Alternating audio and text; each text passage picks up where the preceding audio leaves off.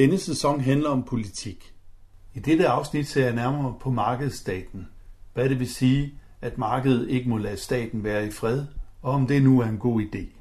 Det er et interview fra P1 Eksistens 2012. God fornøjelse.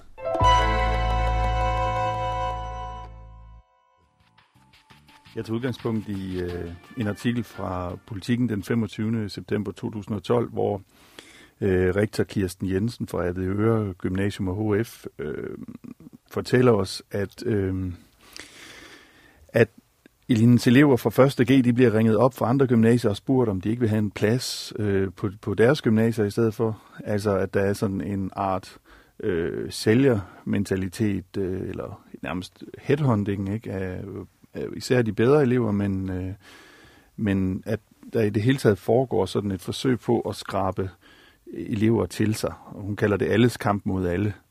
Og jeg får også øh, indtrykket af det samme, når der i en, lidt tre måneder tidligere er der, har der været en artikel i, i politikken, hvor vi får at vide, at, at gymnasierne faktisk optager halvdelen af de ikke uddannelsesparate for folkeskolen. Altså der er et system, der vurderer, om folk er uddannelsesparate eller ej, og så er der et andet system, der, der tænker i forretning og i alles kamp mod alle. Og øh, det er sådan set det, jeg gerne lige vil, vil tematisere lidt i dag. Altså, jeg vil gerne øh, kort tale lidt om, hvad, hvad er det, vi skal med en stat med udgangspunkt i de her øh, gymnasieeksempler. Så vi har altså den sag, at øh, gymnasierne er i konkurrence med hinanden. Øh, de er blevet til sådan selvstyrende virksomheder, og man kan spørge, hvorfor gør de det? Hvorfor ringer de rundt til de andre elever? Øh, ja, det er fordi, man har lavet staten, som at man har decentraliseret øh, øh, økonomien, sådan at de skal fungere. De, de er, som, som de siger, selvejede. Og så har de sådan et, et taxametersystem, hvor de får, så vidt jeg har orienteret, 75.000 per elev øh, per år og 13.000 for en studenteruge. Så det kan man jo sådan set godt forstå logikken i, hvis man er rektor. Hvis vi kan nappe nogen fra de andre gymnasier, øh, ja, så kan vi måske få nogle øh, nye computer, eller så kan vi få bedre forhold for, på gymnasiet. Og den tanke, synes jeg bare, at den er jo slet ikke tænkt så langt ud, som den kunne. For hvis man kan decentralisere konkurrencen øh, til de enkelte gymnasier, ja, så kan man vel også decentralisere dem længere ned på lærerniveau. Altså, den, den liberale drøm må vel være, at lærerne konkurrerer med hinanden. At øh, dem, der kan holde flest i klassen, eller få flest i klassen, de får mere i løn. Eller øh, man kunne lægge matematiktimerne oven i hinanden, og så kunne, man, så kunne lærerne konkurrere om, om eleverne, og så kunne deres løn være afhængig af det. Eller man kunne tænke forbrugertanken endnu længere ud. Hvorfor, hvorfor tager man ikke al løn for lærerne, og så giver dem til eleverne, og så kan eleverne købe timer hos øh, de forskellige lærere? Øh, ja, man kunne også forestille sig en form for konkurrence, hvor nogle af de 75.000, øh, for eksempel hvis man kunne drive et gymnasium til 50.000 per elev, ja, så vil eleverne kunne få 2.000 i lommepenge om måneden, hvis de valgte det gymnasium.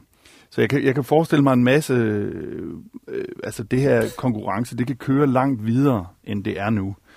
Og det også ligger et pres på lærerne, altså for eksempel, at, at øh, øh gymnasier vil være tilbøjelige til at give højere karakter, fordi så hvis man går derhen, ja, så får man en bedre studentereksamen. Ikke? Jeg har selv været ansat på et øh, institut på universitetet en gang, hvor jeg pænt fik at vide, at det her fag, jeg underviste i, det plejede folk jo at bestå. Altså underforstået, det skal de også fortsætte med. Fordi at øh, beståede eksamener øh, er så intimt forbundet med penge i det, man kalder taxametersystemet. Det spørgsmål, jeg så må stille mig som filosof i hvert fald, det er, er det her en god stat? Er det godt, at vi laver en stat, der er så konkurrenceorienteret? Og øh, til det vil jeg jo så nok svare nej. Øh, en stat skal for det første ikke kunne betale sig. En stat skal kunne tage sig af alt det, som ikke samfundsmæssigt kan betale sig. Det er klart, at vi har haft øh, sådan nogle, først en liberal bølge, og nu har vi en, en neoliberal bølge, der prøver at kritisere staten hele tiden. Og øh, hvor den liberale øh, tænkning i, øh, i det 17. og 18. århundrede, de tænkte, at markedet var natur, og natur var fornuftig. Øhm, så derfor er markedet både naturlig og fornuftig. Så har øh, neoliberalismen en lidt anden holdning. Den siger, at, at staten, den, den, øh, den er muligvis naturlig, eller den er ikke naturlig, men den, bliver, den, den laver byråkrati, og den laver noget, der ikke kan betale sig. Så derfor må den organiseres indenfra som en forretning. Altså at øh, Øh, hvis man laver, øh, man har en stor statslig organisation, det kunne sådan set også være DR, eller hvad det er, så lader man enhederne konkurrere med hinanden. Og på det samme måde kunne man lade, i stedet for at sige, nu fordeler vi eleverne på gymnasierne efter vores plan, så lader man dem konkurrere med hinanden. Så får man ifølge neoliberalismen en mere fornuftig stat.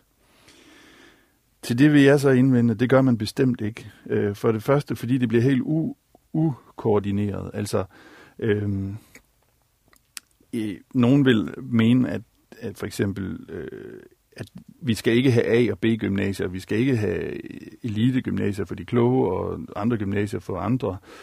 Øh, det er sådan set ikke det, jeg er imod her. Jeg mener, hvis man skal have elite-gymnasier, jamen, så, så skal det være besluttet fra statslig side. Det skal ikke være markedet, der tilfældigvis laver det. Øh, jeg tror, det er en af de ting, som vi har lært af oplysningstiden, at, at ren tilfældighed er dum.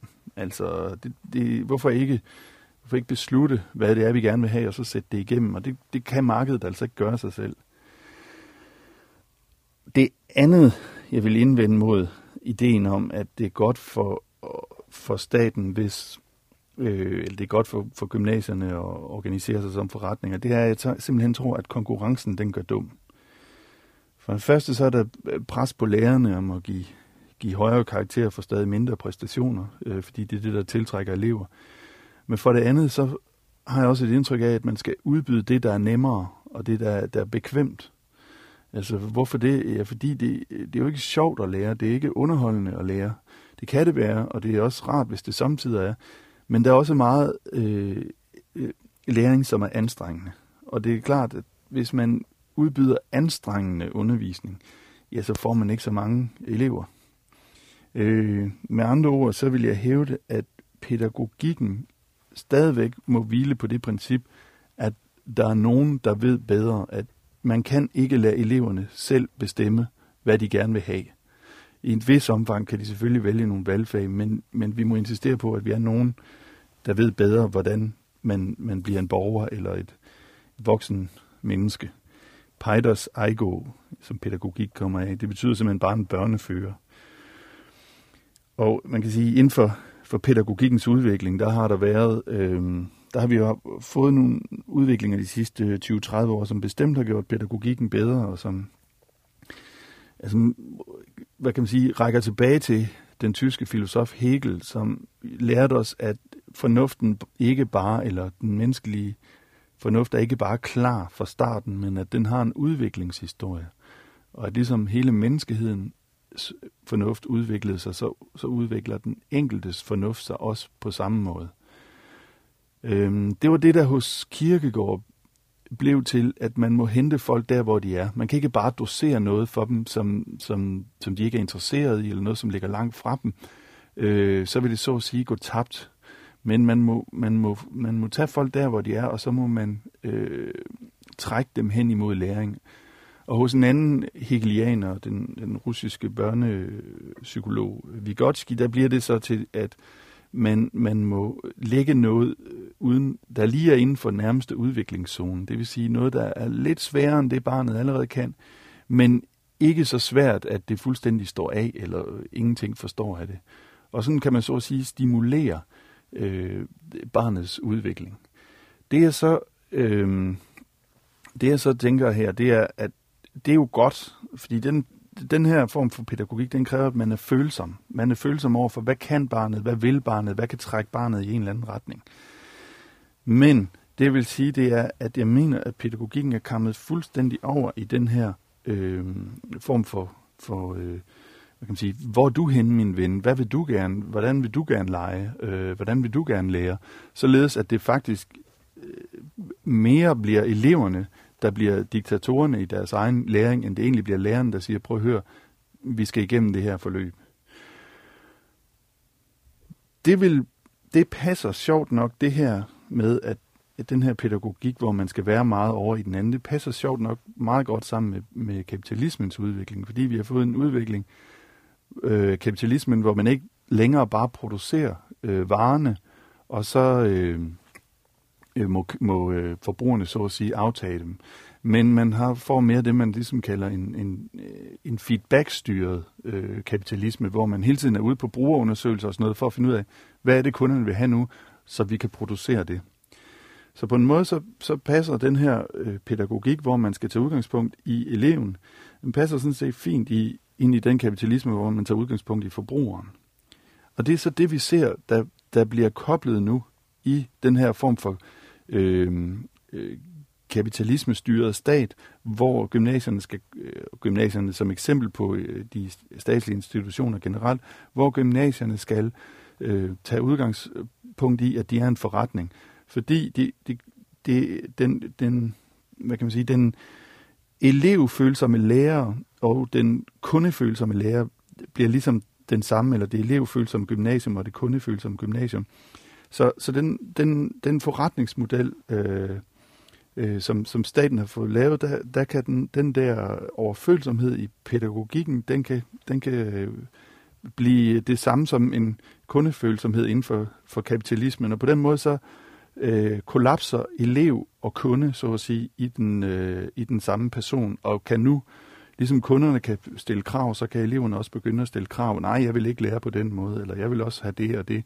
Øh, ja, man kan jo nærmest forestille sig, at eleverne begynder enten alene eller associeret og true med at forlade et gymnasium, hvis, øh, hvis ikke de får det, som de vil have det. Jeg tænker på, at, at hvis vi begynder at, at anskue uddannelse som et forbrugsgode, som en vare, øh, så, så vil der formentlig også, eller det spørger jeg nu om, vil der så ikke også komme til at ske et skred i forhold til, som du kalder det, at, at øh, eleverne bliver deres egen uddannelsesdiktatorer, eller de kommer selv til at, at, at beslutte, hvad de skal lære, hvornår og hvordan, at, at, at man pålægger nogle folk under uddannelse et unødigt stort ansvar, som de ikke øh, har kapacitet til at bære? Jo, det kan jo så være en anden side af sagen, ikke? at hvis man kommer igennem uddannelsessystemet og ikke har lært så meget, så kan man jo sige, at det er din egen fejl, min ven. Du har bare købt de forkerte varer undervejs. Du skulle da have taget det og det. Hvor jeg mener, at, at det, og det tror jeg egentlig også, at både Vygotsky og Hegel vil mene, at, at det må være den, der ved bedre, der styrer den, der ikke ved bedre. Det er klart, at man kan ikke hive folk igennem et uddannelsessystem. De må selv lave det, som Hegel kalder begrebets anstrengelse. Altså, de må selv lave den anstrengelse, det er at lære, men, men øh, at stille det rigtigt og, og overgive ansvaret til eleverne, det er måske også at, at overvurdere dem.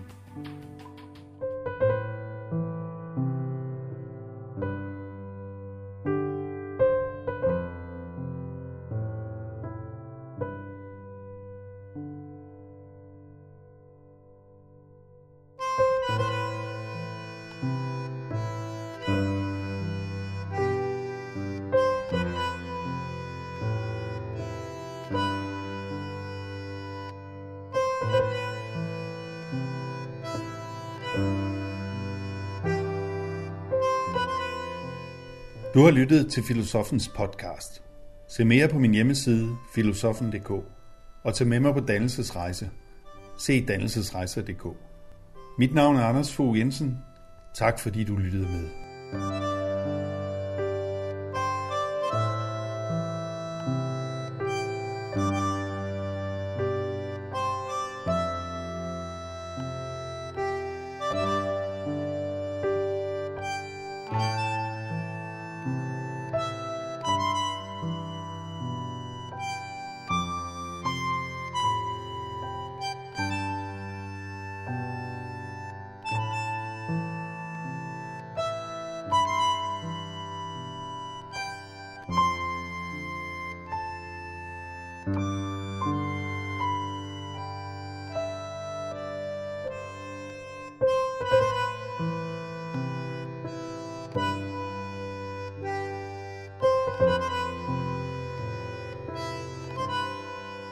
Música